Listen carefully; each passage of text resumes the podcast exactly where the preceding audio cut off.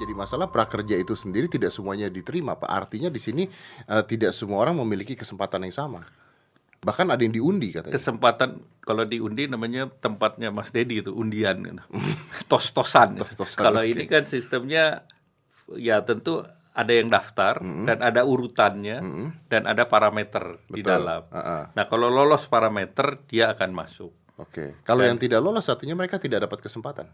Ikut gelombang berikutnya. Apakah semuanya akan dapat kesempatan? Semua bisa dapat kesempatan selama itu sabar. Selama sabar. Iya, kan apa target di tiga program pertama tuh yang diangkut 300 ribu. 300 ribu. Iya.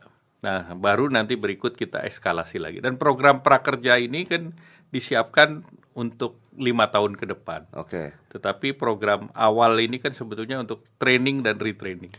Nah, kemudian dikonversi menjadi program untuk PHK. Bagaimana untuk menyelesaikan korban PHK Tapi yang- atau yang dirumahkan. Atau yang dirumahkan. Tapi PHK per detik ini kalau saya tidak salah sudah 1,7 1,9 juta Jadi orang. data PHK dari Kemenaker yang sudah dicek sama BPJS 1,7 1,8 itu adalah yang di PHK dan dirumahkan. dan dirumahkan. Karena untuk PHK itu tidak gampang. Karena untuk PHK kan Ah, Harus keluar biasanya duit juga selain keluar uang ada kesepakatan antara pekerja, pekerja dan, ownernya. ownernya dan Oke. biasanya makan waktu itu. Ya, kalau dirumahkan lebih gampang. Kalau ya. dirumahkan kan disuruh ada yang setengah dibayar, ada yang tidak, Tidak dibayar, dibayar. Nah, sambil menunggu situasi. Bagaimana caranya dengan tiga gelombang 300 ribu orang ini bisa menanggulangi 1,7 juta orang? Nah, itu batch-nya sampai 5-6 batch baru bisa tertampung. Baru bisa tertampung. Which Ya. is taking for how long?